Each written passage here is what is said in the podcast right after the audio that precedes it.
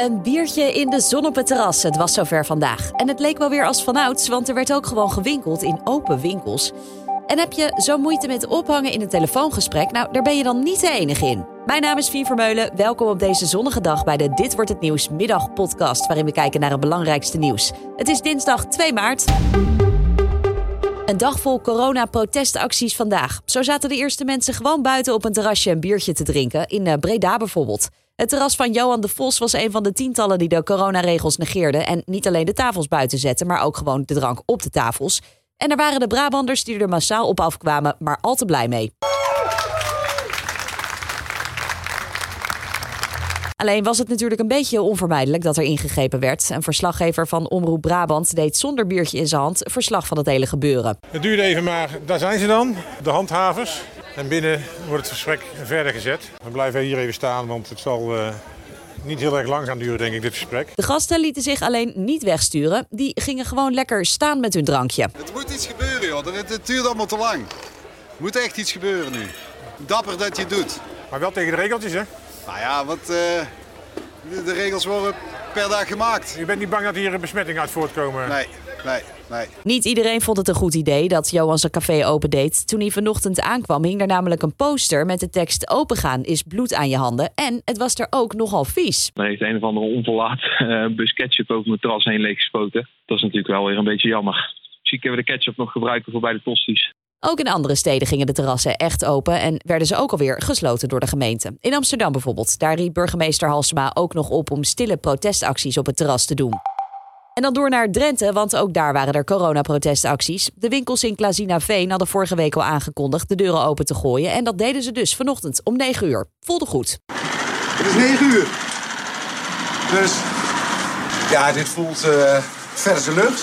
We hebben maanden die deur dicht gehad en we zijn blij dat we even kunnen doorluchten. Uh, ja, dit voelt goed.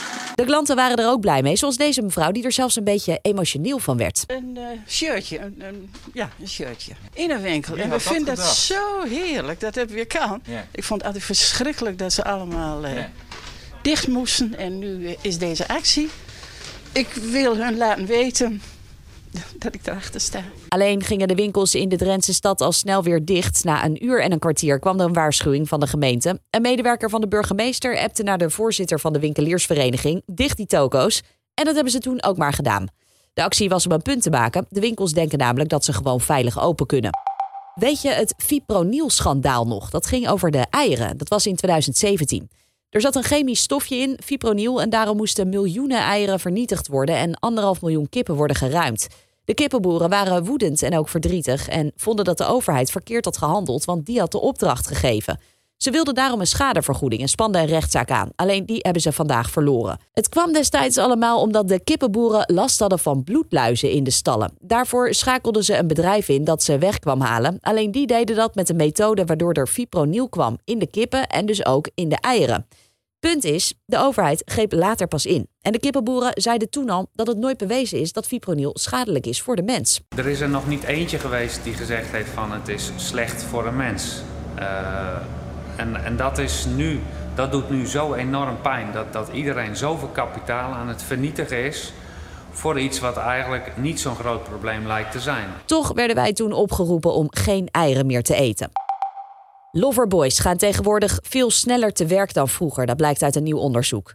Vaak worden de slachtoffers van Loverboys al binnen een week uitgebuit. Een onderzoeker legt bij de NOS uit hoe dat nu gaat. Soms uh, dreigen ze met geweld of ze gebruiken geweld. Ze chanteren het slachtoffers met, met naakbeelden. Allemaal redenen waarom het nu veel, ook sne veel sneller kan. Hè? Mm. Uh, zeker als je zegt, nou, ik heb een naaktfoto. Als je niet doet wat, precies doet wat ik zeg... Ja, dan uh, stuur ik het naar je ouders of naar je, naar je vrienden of naar je school. En dat is echt een verschil met een tijd geleden. Vroeger hadden we echt het beeld van een loverboy die de tijd nam, maanden nam... om zijn slachtoffer in te palmen met cadeautjes. Die raakte dan verliefd. in de helft van de gevallen zijn zijn ze binnen een week na kennismaking worden ze al seksueel uitgebuit. De loverboy van nu is gemiddeld 26 en heeft in 80% van de gevallen een migratieachtergrond.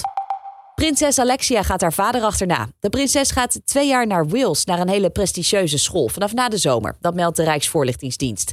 Ze gaat naar de United World College of the Atlantic in Wales. En dat deed koning Willem-Alexander ook.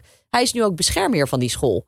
Het wordt een soort uh, prinsessenschool, zou je kunnen zeggen. Want Alexia komt waarschijnlijk ook de prinses van Spanje tegen. En sowieso eentje uit België.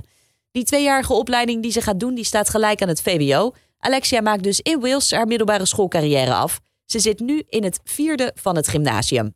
Het weer dan nog van Weerplaza. Een lekkere zonnige middag, alleen in het noorden soms nog wat bewolking. Het is 6 graden op de Wadden tot 16 in het zuiden. Vanavond en vannacht zakt de temperatuur naar rond het vriespunt. Morgen wordt het dan weer zo lekker zonnig en ongeveer dezelfde temperatuur als vandaag. En dan nog even dit. Heb je wel eens het gevoel dat je niet helemaal klaar bent met een telefoongesprek als de ander afrondt en ophangt? Of ben jij juist zo iemand die dan graag wil ophangen terwijl de ander nog lang niet uitgepraat is? Nou, dat kan kloppen, blijkt uit onderzoek. Daarover schrijft de Guardina. Want de telefoongesprekken eindigen bijna nooit als je allebei uitgepraat bent. Volgens onderzoekers is er altijd wel één van de twee die eigenlijk eerder wil ophangen. Alleen durven mensen dat vaak niet aan te geven, want ze willen niet zeggen hoeveel tijd ze nou echt voor een belletje hebben. Doe dat nou wel, is het advies, want dan wordt ophangen een stuk makkelijker. Dit was hem alweer, de middagpodcast van nu.nl van dinsdag 2 maart. Heb je nou tips of feedback? Mail ons dan via podcast.nu.nl. Ik ben Vie Vermeulen. Ik vond het hartstikke leuk om even op deze podcast te passen. Wie weet tot snel. Ik wens je een hele fijne dag en we zijn er morgen weer.